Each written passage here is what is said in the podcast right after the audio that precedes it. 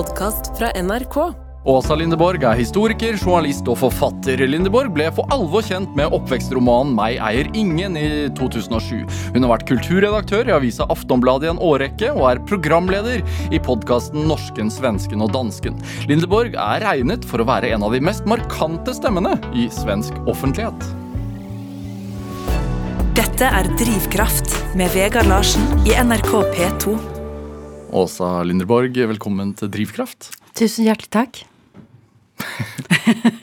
Har du landet? Ja, ganska nyss så landade jag och så var det lite kaos med kommunikationerna. Men nu är jag här och det Ja. känns kul. Ja, du landa på Gardermoen for en time cirka der, eller noe Ja, sånt? Max. Og lø- løpt hit, Ja, ja. det som. Just det. Men hvordan har du det ellers? Bra. Ja. Mitt, just nu är mitt liv ganska bra, men det går, väl, det går väl över som min pappa brukar säga. Kan ikke ha det for godt for lenge. Nej, det är, så ser inte livet ut. Ja. Men just nu är det gott. Du, jeg vet at du For du kom jo fra Sverige i dag. Mm. Men du var i Norge for bare to dager siden. I måndags, ja. Mm. Jag har redan glömt bort vad jag gjorde. Nej, ja, just det. Jag var, på, jag var med våran eh, eh, podden Norsken, svensken och dansken. Mm. Vi eh, gjorde ett liveframträdande för eh, Vårdförbundet. Ja, altså for Norsk Sykepleierforbundet. Just det, så Om, det kanske. om, om eh, hvordan det står til med eh, livet som sykepleier i, i de nordiske landene. Ja, just det. Ja. Hva, hva fant dere ut? Ja, vad vi fann ut är att man skär ner på vården överallt men att Norge ändå är det bättre av de här tre länderna, Norge, Sverige och Danmark. Att ni har bättre vårdmöjligheter. Kanske funderar jag på om det är för att ni har en mycket bättre regionalpolitik än vad vi har i Sverige i alla fall. Att Ni har en idé om att hela Norge ska leva, vilket vi inte riktigt har i Sverige. Nei. Er det andre eh, områder du føler at vi har en bedre politikk enn dere har i Sverige? Ehm, jag, tycker, jag är väldigt glad att jag är född i Sverige, men det är mycket som har hänt i Sverige som jag tycker... Ja, det är en ganska tråkig utveckling. Den är rätt trist att se. Hva er det som er eh, eh, tråkig og trist? Eh, ja, det som är naturligtvis akut, som, jag, som ni ser, eller som man tittar på Sverige internationellt, det är ju gängkriminaliteten och Mm. masskjutningarna och att det sprängs mer i Sverige än i något annat jämförbart land. Mm. Eh, men sen så är ju Sverige ett land som har förändrats väldigt mycket också. Hela den här idén om en generell välfärd och sådär. Sverige var ju världens mest jämlika land. Och är ju inte det längre. Det har gått väldigt fort med privatiseringar och ojämlikhet. Och, och eh, Sverige kunde ju väldigt länge skryta med att vi var det enda landet i Europa som inte hade högerpopulism i parlamentet och sådär. Och nu är Sverigedemokraterna näst största parti. Så det har hänt väldigt mycket i Sverige Mm. på ganska kort tid. Hvorfor det? Varför? Ja. Oj, vilken, bra, vilken väldigt bra fråga. Det er det man pleier å si når man, eh, når man må tenke seg godt om Ja. man svarer. Nej, men man brukar säga, jag är historiker så att jag är intresserad av frågan, men man brukar nog vara överens om i alla fall om att nyliberalismen eller det här marknadstänkandet kom senare till Sverige än, än i många andra länder. Men sen när det väl kom så kom det med en enorm kraft. Nå- Når kom det, tenker du? Ja, det kom eh, mitten på 90-talet så, så började man med förändringar framförallt i, i skolan. Ja. Gjorde man. Hva slags forandring? Ja, ett, ett eh, friskolsystem och ett fritt skolval och vi har ju väldigt, väldigt, väldigt stora privatägda skolkoncerner som tillhör de här nyrika miljardärerna som vi har i Sverige. Eh, Men det, och det i kombination med en väldigt stark boendesegregation har ju skapat eh, väldiga klyftor i Sverige. Och det där är ju bara politiska beslut som ligger bakom. Det är klart att man skulle kunna ha gjort någonting annat åt det där. Samtidig så ser jeg også sånn at eh, um, sosialdemokraterne i Sverige gjør, gjør det jo fremdeles veldig, veldig godt. Eh, hur då menar du? Nej, sist, ja, den målningen jag såg sist var från februari. Något Ja, var, var det på 36 procent. Ja, ja, det är Europas starkaste socialdemokratiska parti. ja. Kanske världens starkaste. Nu. sterkare än Arbeiderpartiet är i Norge. Arbeiderpartiet har ju fallit långt mer i Norge än det har gjort i Sverige. Visst, visst är det så. Eh, Det är alltid lättare att vara i opposition men svensk socialdemokrati är ju, ni är ju stark av tradition. Men det har i och för sig den norska också varit. Sen är ju frågan så här, mycket har att göra med ledaregenskaper och mycket har att göra med hur oppositionen ser ut och så vidare. Men det är ganska det är ganska spännande att följa med svensk politik i alla fall. Men det tycker jag det är med Norge också. Jag tittar ju med stora ögon på vad som händer här med Anna Solberg och, och de här politiska eh, skandalerna. Jag, jag, när jag tänker på Norge så tänker jag på ett land som är ganska oskuldsfullt. Jag menar inte naivt, utan jag uppfattar er som väldigt hederliga. Och, eh, och sen så då blir man ju så väldigt förvånad när de här eh, oegentligheterna dyker upp. Mm. Hvordan ser det ut altså fra et uh, blikk utenifra, altså selv om det bare er over grensen, men uh, likevel? Ehm, ja, alltså det här som Anna Solberg och hennes man har anklagats för, det skulle inte vara möjligt i Sverige. För att i Sverige får du hålla på med hur mycket aktieköp som helst som du är politiker. Alltså verkligen. Det, alltså det, I Sverige förstår vi inte den här frågan. Och då håller jag ju på Norge, för jag tycker att det är bra att ni har ett regelverk som vi inte har. Men vi kan ju också fundera över, eller jag i alla fall, många med mig, vad konstigt att Anna Solberg kan sitta kvar. Det tycker vi också är väldigt konstigt. Men vi, jag uppfattar ju Norge som ett väldigt, väldigt snällt land. Att ni har en förståelse för varandra och att ni är ett förlåtande land. Och det är ju också, det är också någonting väldigt fint. Alltså, med det. Ja. Sa, samtidigt som det är klart att även, man måste ju följa de regler som finns. I, i, i podkasten deres 'Norsken, svensken og hansken', som jo har blitt en suksess, eh, så sa jeg dette her, mye av det dere snakker om, også likheter og forskjeller innad i, de- i de tre landene. Og nå har dere jo holdt på noen år, så dere har vært innom mang- Snart, snart tre år. Ja, og vært innom mange temaer. Eh, Hvilke ulikheter overrasker deg mest? Oj. Vilka olikheter. Ja, alltså, om man tar Danmark så är ju det ett land som de tror att de är så frejdiga och att, det är så, eh, att de är så anarkistiska och sådär. Men de är ju extremt auktoritära egentligen i Danmark. Eh, och det som förvånar mig med, med Norge är att Norge alltid hamnar i mitten. Om Sverige är en, en extrem, vad gäller, eller var i alla fall, woke-kultur och politisk korrekthet och Danmark var den andra polen, så hamnar Norge alltid, alltid i mitten. eh, som ett exempel på vad man faktiskt också kan göra. Och det har varit väldigt skönt med Norge tycker jag. Men nu är det så mycket som ändrar sig. Nu är ju Sverige på väg att bli ett väldigt... Eh, alltså nykonservatismen är ju väldigt stark i Sverige. Ja, och så det- det är ju, pendeln börjar ju slå tillbaka. Og det, det ser vi jo tendenser til her også, men hva, hva legger du i ordet eh, nykonservatisme? Ehm, ja, jag, vad jag menar är att det börjar bli mer eh, ganska traditionella values. Alltså nationalism, militarism. Jag ska inte säga kärnfamiljstänkande, men eh, frågan om rätten att älska vem man vill börjar ifrågasätta. Alltså, alltså det är mycket sånt här som vi tyckte var normkreativt och självklart tidigare som delvis börjar ifrågasättas. Å ena sidan å andra sidan så är det väldigt många saker som eh, tidigare var otänkbart, som rätten att älska vem man vill, som de allra, allra flesta idag tycker är självklart också. Men eh, vilka böcker ska man läsa och den här typen av, av frågor. Men jag skulle också säga att st- väldigt sträng har ju också vänstern varit. Med att tänka rätt och vem ska man umgås med och hur ska man leva och sådär. Ja, Och vilka ord får man använda? Det har ju varit väldigt strängt där.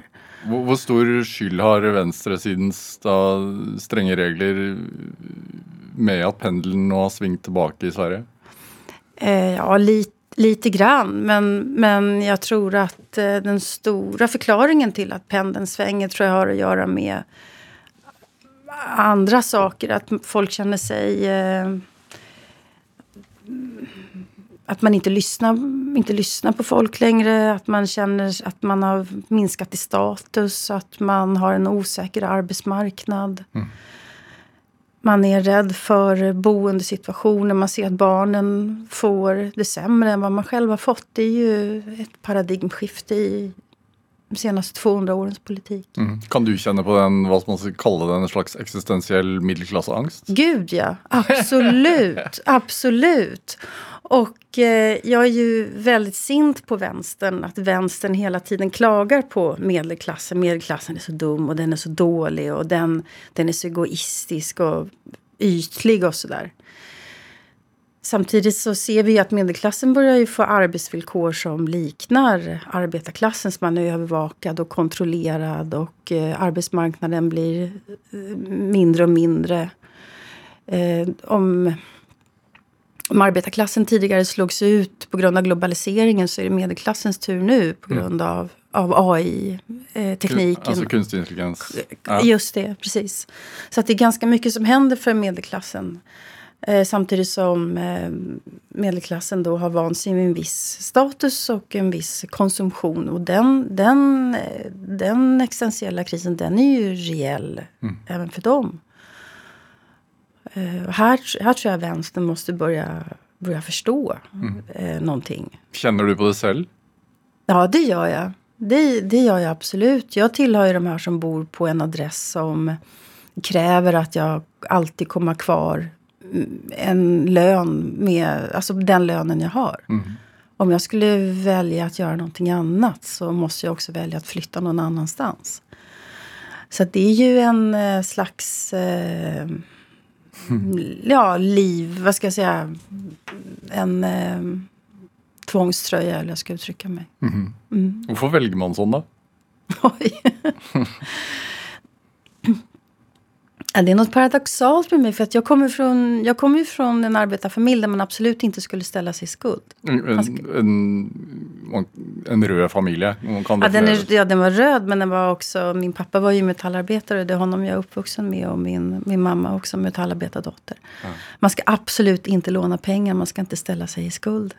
Samtidigt när jag gjorde den här klassresan och flyttade till Stockholm så ville jag ju bo där alla andra bodde.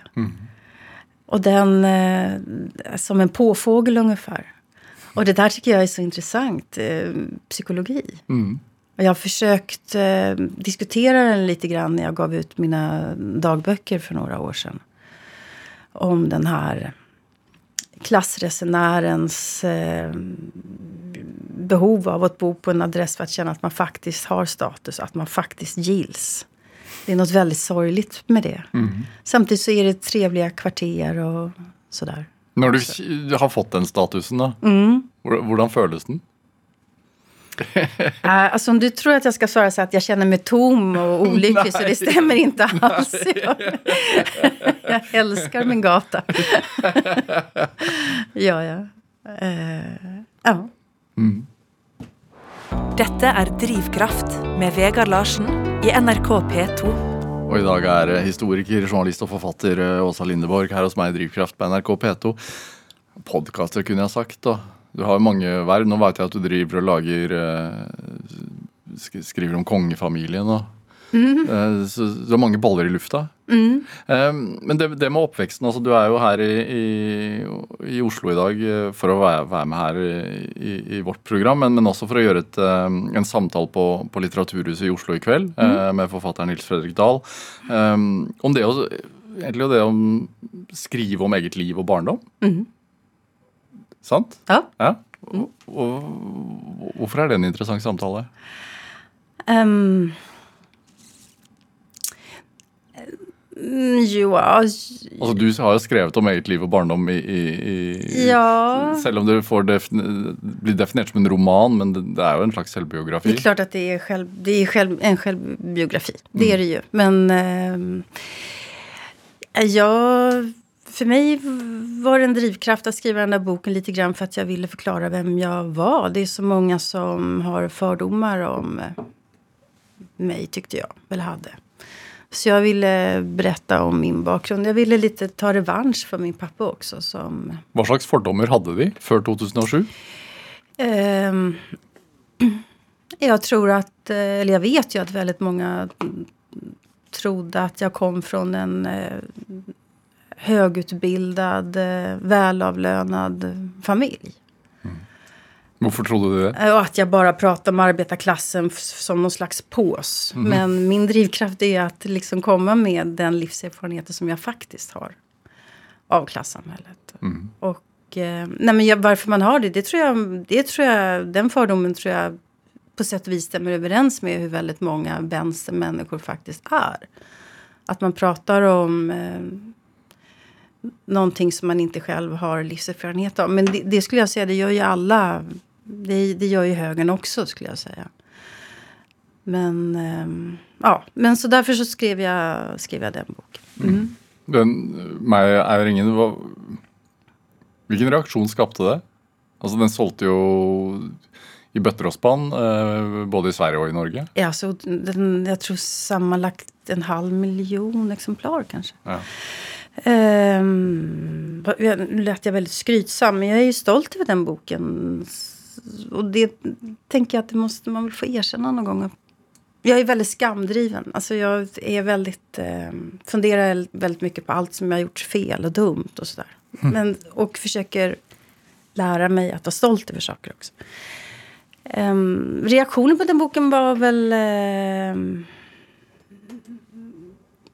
väldigt, väldigt många tycker om den boken för att det är, man, man läser det som en, eh, och det är det också, en, ett kärleksporträtt av en pappa som var alkoholiserad och inte kunde ta hand om sig riktigt men som ändå gjorde så gott han kunde. Jag tror att det en, skänker en tröst till väldigt många föräldrar. Du, du sa jo at han var metallarbeider. Ja, Eh, hvordan merk, merkte du det? Altså den type arbeid?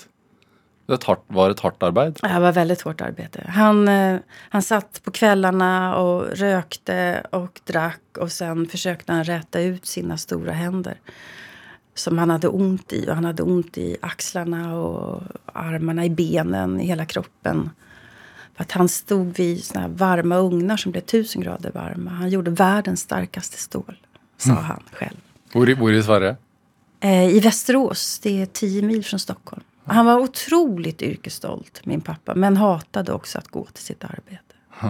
Men en extremt stark arbetsmoral. Och det har jag ju fått därifrån. Ja, hvor kom den fra, tror du? Fra, hos han?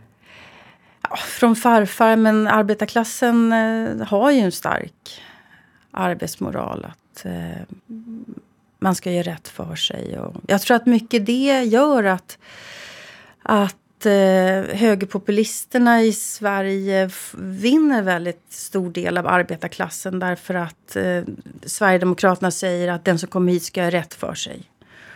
Och så säger arbetarklassen, ja det är självklart för det är ju jag.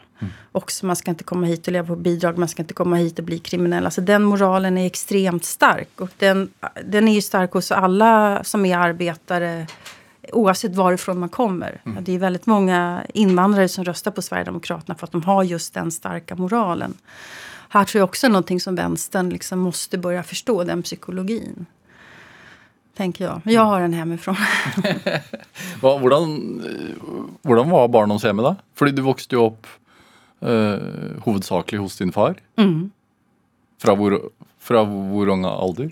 Jag var tre och ett halvt år när min mamma träffade en, en annan man och flyttade hemifrån. Ja. En man som också blev min pappa och den enda som jag har kvar nu. För både min mamma och min pappa Leffe är ju döda. Men min andra pappa Lasse lever fortfarande. Hvordan så det ut hjemme hos dere?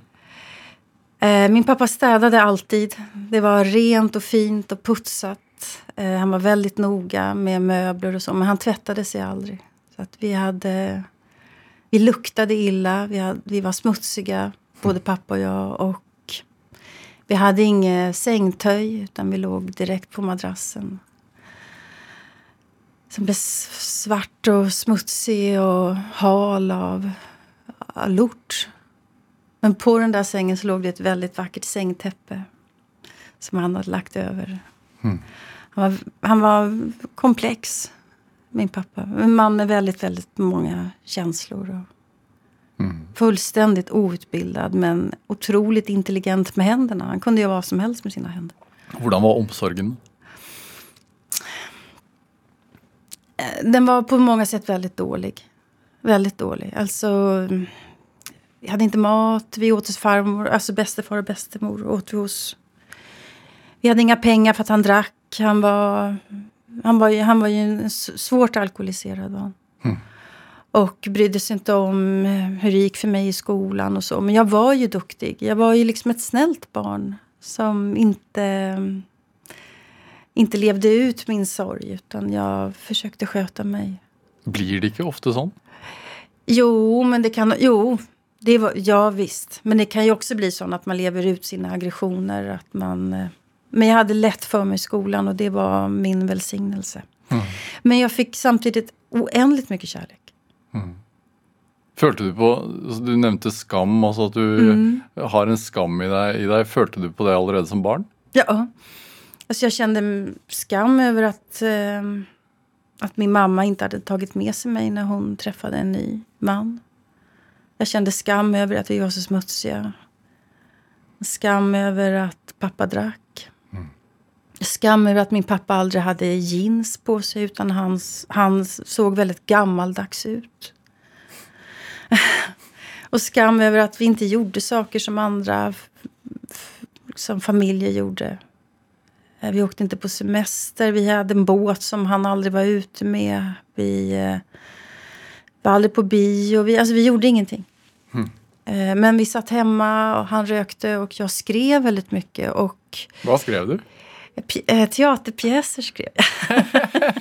Som vi satte upp i skolan sen. Jag ville bli dramatiker när jag var liten. Var kom den inspirationen från? Ja, jag vet inte. Men Alltså min, mam, min mormor, min mästermor, hon gifte ju om sig med en man som var konstnär. Alltså hon var också metallarbetare och så gifte hon om sig med en man som var konstnär. Det var lite originellt. Och han var väldigt noga med, med litteratur. Mm. Och eh, ja, min mamma uppmuntrade mig väldigt mycket att skriva också. Utan min mamma hade jag nog inte blivit en skrivande mamma, eller människa. Men hon, hon såg på en gång att jag kunde skriva och uppmuntrade det. Mm. Vi spelar mycket spel, pappa och jag. Vi spelar kort. Vi pratar mycket. Blir man hard? Ha, eh, hård? Mm. Nej, men ensam. Mm. Men absolut inte hård. Jag tror nog eh, att jag är, jag är en väldigt känslig person. jag, um, eh, men eh, en, en, eh, en strukturell ensamhet. Mm. Eh, en, en, ja, det finns i mig en, struk, alltså en strukturell sorg. Gör det. Mm. Sen jag var liten. Och, och då spelar det ingen roll hur mycket kärlek man får. Men den, det stråket av sorg har jag i, i mig. Ja. Hvor, har det någon betydning att, att veta det? Att, att, att man har det så? Att det kommer från ett ställe? Ja, det, ja gud ja. Jag funderar mycket över mig själv. Jag tänker, hur ska jag... Hur, hur ska jag ta mig ut i den här världen? Hur, hur ska jag leva mitt liv? Och då försöker jag göra det i så stor sannhet som möjligt. Jag försöker vara så sann som möjligt. In, och då måste, då måste jag ju rota i mig själv och ta tag i de svåra sakerna. Ibland misslyckas jag ju helt och hållet. Ibland kan jag vara för ärlig. Mm. Men, mm, som barn så ljög jag väldigt mycket. Varför det? ja, men jag ljög för att hålla upp en fasad. Ja, till andra? Ja, till andra. Om att pappa och jag hade det så bra. Ja, vad kunde du säga? Ja, jag kunde hitta på att vi hade gjort saker som vi inte hade gjort. Att vi hade varit på bio till exempel. Mm. På kino. Eh, jag hittar på massa, massa saker. Och eh, att vi hade ätit spaghetti och köttfärssås när vi inte hade ätit någonting. Och så. Mm, no. ja. ja. När var det du då snudde och tänkte att nej, nå, nå ska jag, från nu ska jag vara sann?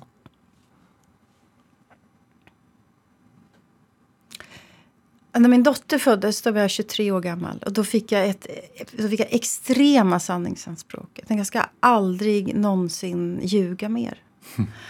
Eh, och det kunde jag inte hålla. För sen eh, hade jag ett äktenskap där jag ljög mycket. Jag betedde mig illa. Eh, jag vet allt om otro och åtrå. Och så då ingick jag ett nytt förbund med mig själv genom att säga jag ska aldrig ljuga på, på arbetet. Jag ska aldrig ljuga när jag, inför mina arbetskamrater eller chefer. Och det har jag hållit. och, och, ehm, och numera ljuger jag inte mitt privatliv heller. Men jag, jag är... Jag kan säga att jag har, om man är som jag, uppvuxen med att lära sig ljuga. För att min pappa ljög ju hela tiden. Vad, vad lydde han om? Eh, ja, han ljög om att vi egentligen hade pengar. Han ljög om att han hade vänner som han inte hade. Han, eh, Så också för en fasad? Ja, som en fasad. Eh, han ljög inför farmor och farfar hela tiden. Mm. Och om man är uppvuxen med lögner då, då det är väldigt lätt att det blir eh, ett, ett sätt att ta sig fram. Eh, jag är ju också sån att jag litar på alla människor paradoxalt nog. Jag borde ju inte göra det. Men jag gör det och jag blir otroligt besviken om någon ljuger för mig. Alltså otroligt besviken blir jag. Mm. Um, ja, nej men jag tycker den där frågan om sanning och lugn, den är väldigt intressant. Ja, i vart fall när man är och så hvis man är følsom i tillägg da, och, och så väljer den yrkesveien som du har gått och, mm. och eh, skriver och menar ting mm. hele tiden. Mm. Hvor du står i skuddlinjen, da. Mm. Det er dårlig øh, yrkesvalg hvis du er følsom. ja, men det är sant. Det är sant. Men jag är så hjärtligt trött på det här kommentariatet och skribenterna som jag ser inte är sanna när de skriver som är opportunister, som intar en position för att det är den rätta positionen. Och sån är inte jag. Och då hamnar jag hellre i, i blåsväder men ändå tänker att jag är sann. Mm. Det betyder inte att jag alltid haft rätt, för det har jag ju inte. Men eh, jag skulle i alla fall inte vilja göra min karriär på att vara en som anpassar mig hela tiden. När tog du sist fel? Oj. Som du ångrar på, som du har skiftat mening i? Jag trodde aldrig att Putin skulle göra en storskalig eh, invasion.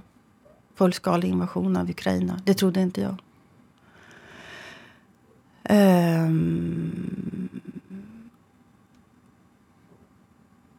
ja, jag är väldigt, överhuvudtaget väldigt oroad över över världsläget. Jag, tycker det är, jag tillhör de här som, trots att jag är journalist, försöker undvika nyheter för att jag tycker att det är så... så just att jag är så känslosam. Mm. Så jag reagerar väldigt, väldigt starkt. Eh, blir ledsen. Ehm, jag blir väldigt sällan sint, men jag blir ofta ledsen. Är det? Oroad. Det tror jag är en känsla många känner på nu. Att man undgår i större grad att läsa nyheter unngår i større grad å være på sosiale medier. Nettopp av det. At man føler på en, en uh, At den enden är nær, på ett vis. Ja. ja. Jag har ju aldrig varit på sociala medier. Jag är väldigt gammaldags. Men eh, det är för att jag tycker att det verkar väldigt eh, stressigt. Och eh, man blir eh, får sin integritet hotad där, tänker jag. Mm. Men det vanliga nyhetsflödet har jag ju tidigare varit liksom en narkoman på. Och det, det är jag inte riktigt längre. Mm. Och det är ju ett handikapp naturligtvis. I, alltså det är inte så att jag inte hänger med. Jag läser väldigt mycket. Men, men eh, jag, jag märker att jag försöker undvika vissa saker. Mm. Och det är inte så bra. Men jag är i gott sällskap med väldigt många just mm. På vilken måte är det befriande? Då? Befriande att? Å undgå det och inte, inte vara uppdaterad? Eh, jag kan inte säga att det är befriande för att jag får ju skuldkänslor. Och skäms, som vanligt. Mm.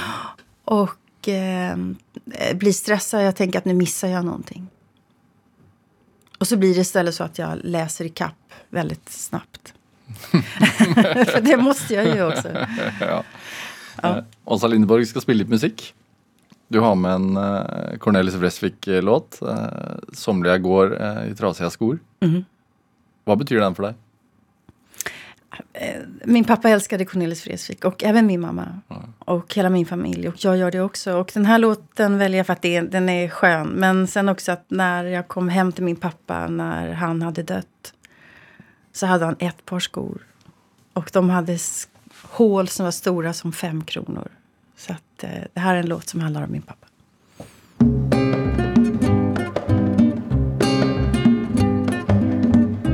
Somliga går med trasiga skor Säg vad beror det på?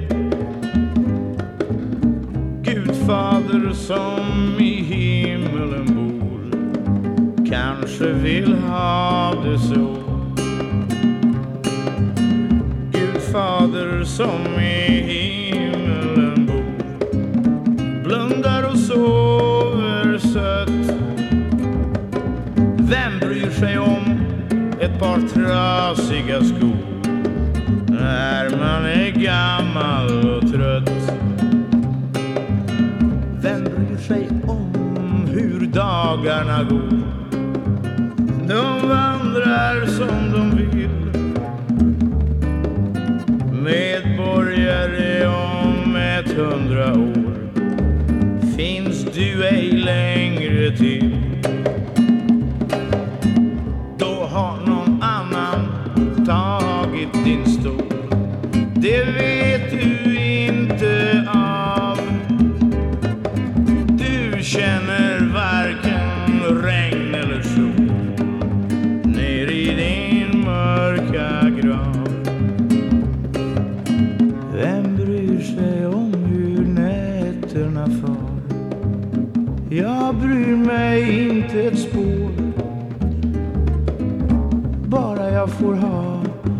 Mitt ansikte kvar.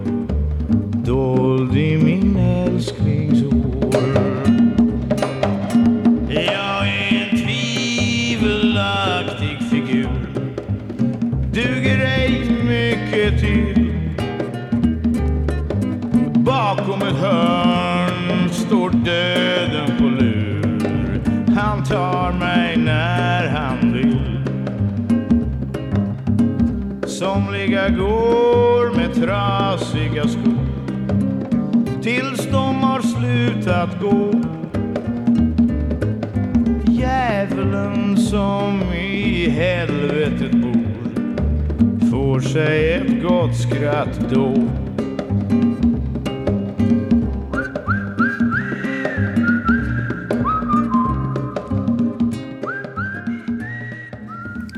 Ja, du fikk eh, Cornelis Vreeswijk med 'Somliga går i trasiga skor' her i Drivkraft på NRK P2. Valgt av dagens gjest eh, her i Drivkraft, eh, nemlig journalist og forfatter Åsa Lindeborg.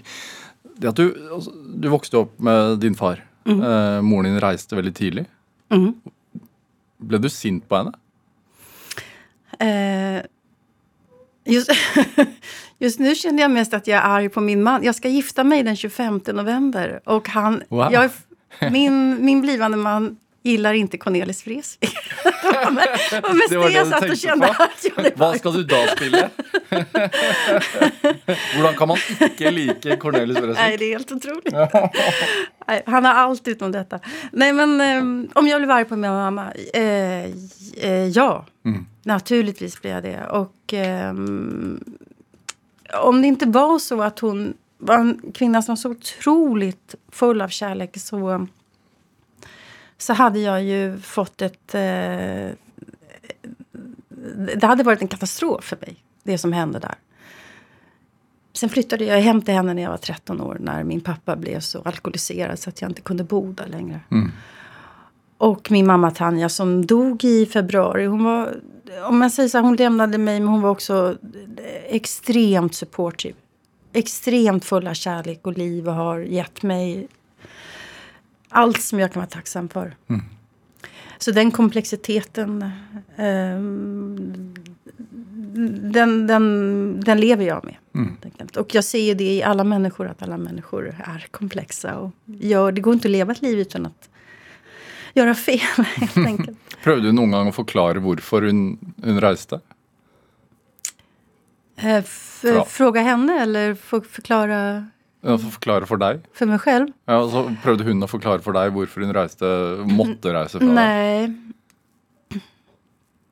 Nej, vi pratade aldrig om det där. Så att när jag kom med min bok Mig äger ingen så blev hon ju chockad. Um, jag har hela tiden tänkt att eh, min pappa krävde ju att jag skulle bo hos honom också. Och det var ganska ovanligt på 70-talet att kvinnor lämnade sina barn. Det var ju männen som kastades ut och, och inte fick kontakt med sina barn ofta. Men mm. här var det tvärtom. Jag träffade min mamma varannan helg. Mm. Men eh, jag tänkt, tror också att min mamma, eller jag har förstått att min mamma tänkte att jag skulle rädda min pappa. Eh, att han kunde inte dricka om jag bodde med honom. Så att jag blev liksom lite grann en handelsvara kan man säga. Eller en skuldavbetalning. Det är ganska vanligt att barn blir det. Um, det har jag ju lite svårt att liksom, gå med på. Mm. Mm. ja. Är det, men det att växa upp då, uh, med, med, bara med far huvudsakligen, mm. gör det att man Vokser man ju upp i ett rent eh, maskulint miljö? Mm. Vad gör det med syn på män? Just det. det är min soft spot. Min dotter säger, mamma, du har en soft spot för, för män. Eh, att du, kan aldrig, liksom, du måste alltid försvara alla män, alltid. Mm. Och det ligger någonting i det. Alltså på sätt och vis har jag också haft ett matriarkat. För jag hade min mosse, jag hade min mormor, jag hade min mamma. Extremt starka kvinnor. Men jag, min vardag var med pappa. Jag, jag vet hur, eh, hur svårt det kan vara att vara man. Jag har aldrig gått med riktigt på det här att män inte hjälper till. Min, min pappa tog hela huvudansvaret. Men det är å andra sidan en speciell historia. Det går jag ju med på. Um, jag har inte liksom trivts med den delen av feminismen som har sagt att män alltid är dumma och dåliga. Uh, det, jag tycker att det har varit för uh, ja, orättvist helt enkelt. Mm. Och, uh, och det här tror jag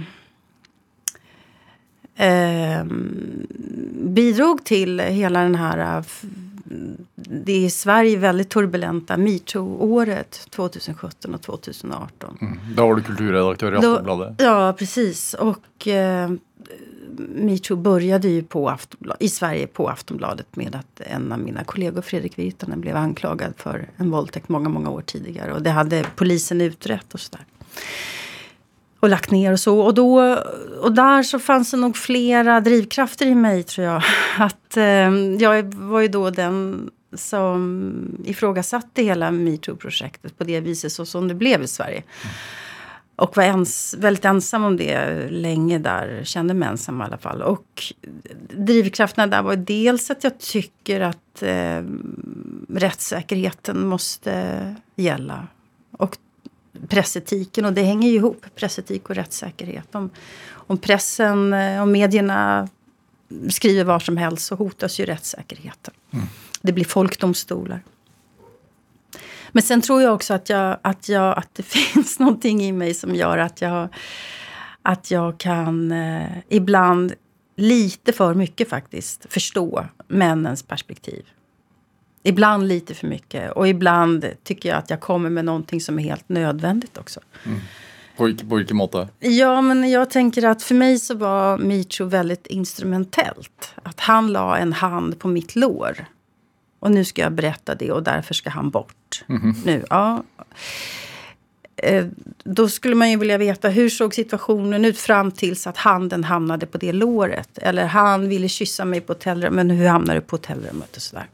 Och då så säger, då så säger feminister att eh, man ska kunna följa med en man upp på ett hotellrum utan att behöva bli kysst. Eller så.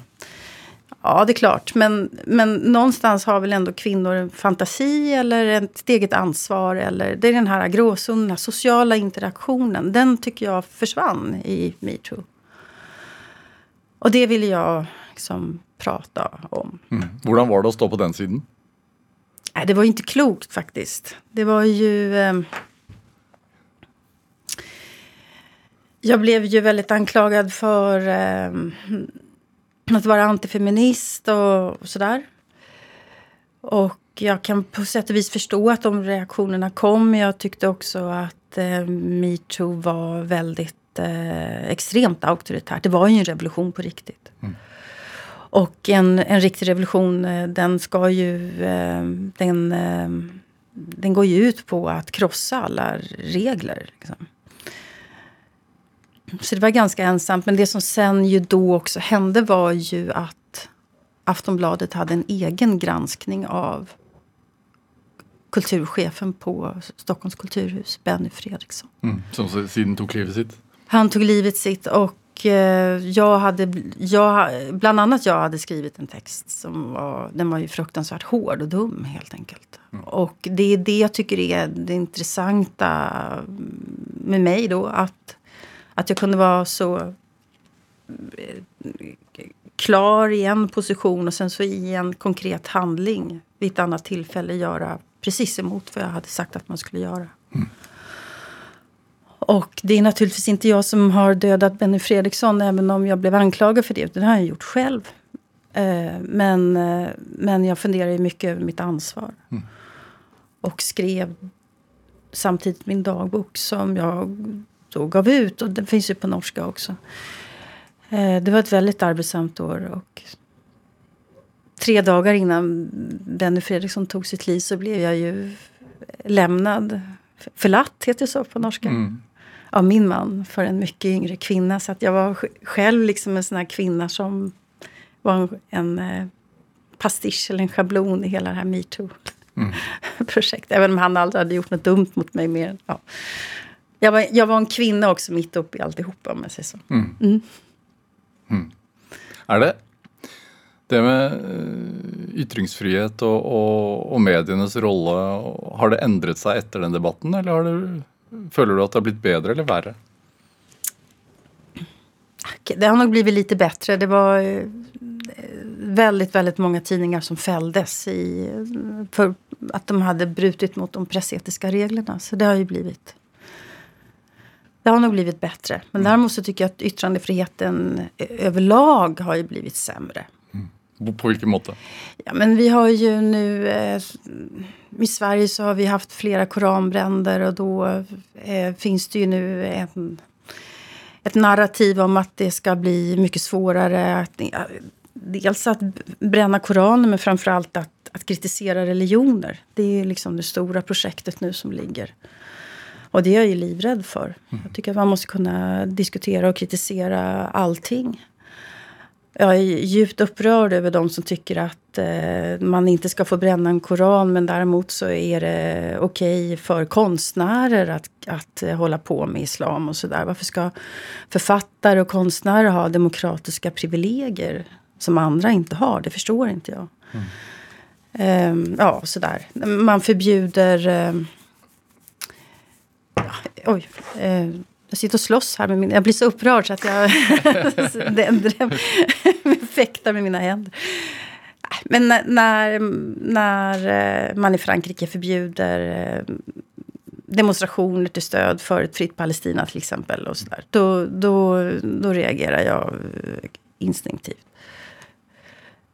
Ja, ja. Mm. Jag kommer från en familj där min mormor och morfar de var ju Sovjetvänner. Apropå paradoxer då, så en drivkraft jag har är att försöka avslöja eller, eller hantera såna här paradoxer. De, de försvarade diktaturen i Sovjet, men de kämpade för varenda demokratisk reform och yttrandefrihetssak vi har i Sverige.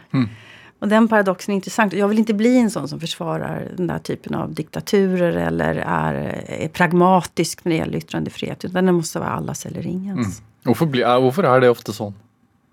Eh, hur då menar du? Att, Nei, At man kan forsvare det her hjemme, men eh, Ja, det, alltså, det är inte bara vänstern utan det här, det här finns ju i alla. Att man inte är, att man inte är ideologiskt konsekvent. Nej, Jag vet inte det är varför det blir så.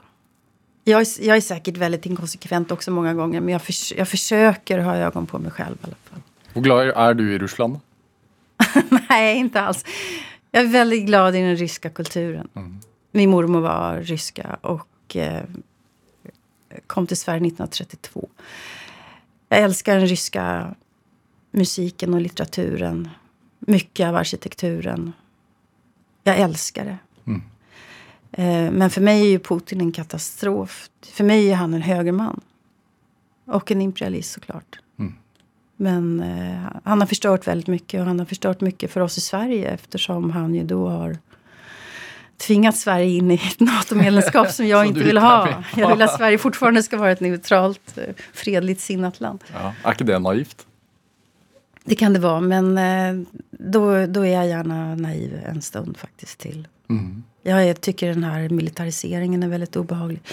Samtidigt så förstår jag ju också att det är, det är någon slags olöslig konflikt. Men det är klart att Sverige måste ha ett försvar.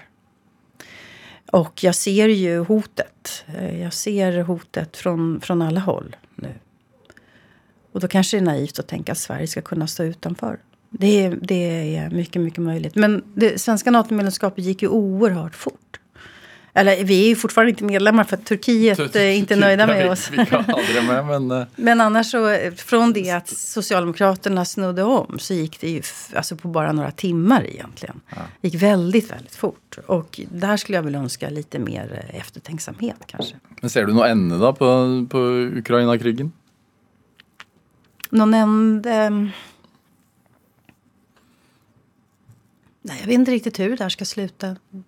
Ukrainas motoffensiv går ju väldigt, väldigt dåligt. Det, Allt tyder ju på att de är på väg att förlora det där. Ja, for en sånn stillingskrig. Ja.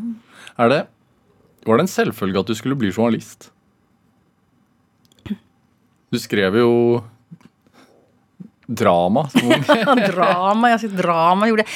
Eh, när jag bodde hemma hos pappa så hade vi bara en tidning och det var Aftonbladet. Och jag ville bli, ja, det var det jag ville bli. Jag var journalist. Men jag är en ganska dålig journalist. Faktiskt. Ja men jag är det. Alltså, jo men det är sant. Det är sant. Jag är nog Det kan du ganska... si nå, ikke da du var kulturredaktør. Si. Hvorfor er du dårlig? Ja, men det är något annat att vara kulturredaktör. Ja, alltså, jag vet hur man gör en kultursida. Mhm. Det vet jag. Men det är ju liksom opinionsjournalistik och kultur. Men hvorfor er du dårlig? da? Alltså, journalist är jag dålig därför att jag eh, hatar att vara ute på fältet. Jag hatar att ringa folk. eh, jag, jag har... Eh, nej, jag, jag tycker inte om att göra de där snabba sakerna. Eh, faktiskt inte. Virke- Jag är faktiskt, faktiskt en, en helt värdelös journalist. jo, jo. Det mye enklere å være podkaster ute, for da kan du bare sitte og prate. Ja, precis. er det eh, Virket det oppnåelig eh, i ungdomstiden å bli det? Om det inte var uppnåeligt. Nei, var det, altså, Virket det som en oppnåelig jobb å, å bli journalist? Og, Men min mamma hon arbetar på Arbetsförmedlingen. Och hon sa så här att journalister får inte jobb. De- får inte arbete. Det finns inga arbete för journalister. Det här var på 80-talet när journalistiken var som starkast. Hon sa att det är en krisbransch. men det å bli historiker da, og eh, skrive doktoravhandling og Ja, det var en lycklig tid. ja. Men var det hvor, hvor fjernt unna eh, drømmen var det altså, som barn? Nej, jag har alltid varit intresserad av historia. Ja. Alltså alltid. Så, att, eh, så det, det, var ett, det var fantastiskt kul att få göra det. Men sen bara det blev, blev jag ju ändå journalist. För att eh, jag började skriva i avisen Aftonbladet. När jag var på slutet av min doktorsgrad där. Och tyckte att det var fantastiskt roligt. Men var det historieprat hjemme? Var det derfor du var interessert i det? Ja, ganska mycket. Farfar pratar mycket historia, morfar pratar mycket historia. Ja. Vad la eh, de vekt på? De, de la väldigt mycket väck på eh, folkets kamp, alltihopa det där. Men min moster, min tante, hon hade Svensk Damtidning och alla de här kungatidningarna. Så att jag fick ju också det här mysiga med, med kungligheterna. Skvallret och kläderna och, och det där. Och, Så, som du også holder på med da? Ja, jag, jag har alltid varit eh, pinsamt intresserad av, av kungahuset. Och nu skriver jag en större, en eh, annorlunda bok om, om den svenska kungen. Den ko- kommer inte att likna någon annan bok. Mm. Om honom. Det var en, en cliffhanger. Vil sikkert ikke Vil du gå i, gå i dybden? Nej, vill jag inte göra. Men svenska kungen är inte som kung Harald precis. Han är en annan sort. På vilket sätt, på vilket sätt skiljer, är, är det svenska och det norska kungahuset forskjellig? Oj. Men det norska kungahuset är ju för det första mycket mindre. Och mycket mer folkligt. Och eh, kung har, alltså det, det finns ju en... Eh, svenska kungahuset är otroligt snobbigt. Har inga intellektuella ambitioner över, överhuvudtaget, skulle jag säga. Mm. Och eh, mycket konservativt. Är du republikaner? Ja, jag brukar säga att jag är demokrat. Och då, då tycker jag att man måste vara... Då måste man nog vara republikan. Men, men utfordringen här är att göra en, en, laga en biografi om kungen där jag också kan ha en, en mänsklig blick på honom. Mm. Det är ju inte klokt att födas in till den där rollen och sen förvalta den ett helt liv. Att aldrig få vara i fred. Och det är ett stort ansvar faktiskt. Och det, det, en, det tycker jag är intressant. Vad har det gjort med det nordiska tankesättet och, och samfunnet, tror du, att vi har kungahus? Vi har blivit dummare tror jag. På vilken måte? Nej, men jag tror... jag, tror Ehm, jag tror att vi blir... I Sverige, jag ska, inte, jag ska inte prata om Norge, jag pratar om Sverige, så tror jag att vi blir... Vi förstår inte riktigt vad makt är för någonting. Vi, vi har någon idé om att det är en familj som sitter där och tar hand om oss. Och ser inte vilka enorma nätverk de har och kontaktytor och vad de står för rent ideologiskt. Och det är på samma måte vi tänker om regeringarna? Ja, nej. Nej, alltså det är ju ett, det är ett annat problem att, eh, att politikerföraktet är ju enormt. Det är ju jätte, jätte starkt. Och då, då tror jag att, att, eh, att eh, man får starka känslor för kungahuset. För det är några som inte har röstat fram. Utan de finns där alldeles oavsett. Och då, då vilar man på något sätt i det. Känner någon slags trygghet och kontinuitet. Och det där är en psykologi som jag tycker att jag förstår ganska bra. Min farmor trodde ju att kungen var socialdemokrat. För det är ju alla människor. trodde hon. Att kungen är god. Och, och sådär. Det är en väldigt stark folklig föreställning. Och, det, och den, den psykologin förstår ju inte republikaner eller socialister eller liberaler. Fattar inte det där. Men jag tycker att jag förstår det. För att min, min farmor, för henne var kungen en viktig figur. En viktig man. Deler du den uppfattningen då, om att uh, innerst inne så är vi alla socialdemokrater? Nej, eh, I wish, men nej. Eller jag vet inte riktigt vad man är när man är socialdemokrat längre. För mig är det något, något väldigt eh, svårdefinierat. Hvor, hvor står arbeiderkampen i dag? Siden du har vokst opp med arbeiderkamp og en hyllest av arbeiderkamp. Fackföreningsrörelsen är ju väldigt tillbakapressad. Och, men i Sverige nu så strejkar metallarbetarna på Tesla. Eh, och i, i USA så strejkar ju bilarbetarna, de som jobbar på bilfabrikerna, för fullt. Det finns ju liksom motstånd som görs. För att man vill ha kollektivavtal och sådana där saker som vi tycker är självklara. Eller bättre arbetsvillkor och sådär. Jag blir glad jag ser det. Ja, og skuespillerne streiker, og Ja. manusforfatterne streiker ja, i USA. ja precis. Når er du mest lykkelig da, Åsa? Jag är lycklig när jag är med Bengt. Eh, när jag är med mitt barnbarn, Lisen. Jag tycker mycket om att vara med henne. Jag är lycklig när eh, jag skriver en text och jag ser att den fungerar. när jag äter god mat. När jag spiser gott, då är jag lycklig. Hvordan merker du at en tekst fungerer? Hva vil det si? Det är när jag sitter där och känner att jag vill vara i den där texten. Och jag känner att jag har lärt mig någonting själv av att skriva. Det var oftare förut än nu. förut kunde jag bli hö var liksom hög på mina egna texter och det är jag inte alls längre. Jag är ganska trött på, på mig själv. Faktiskt.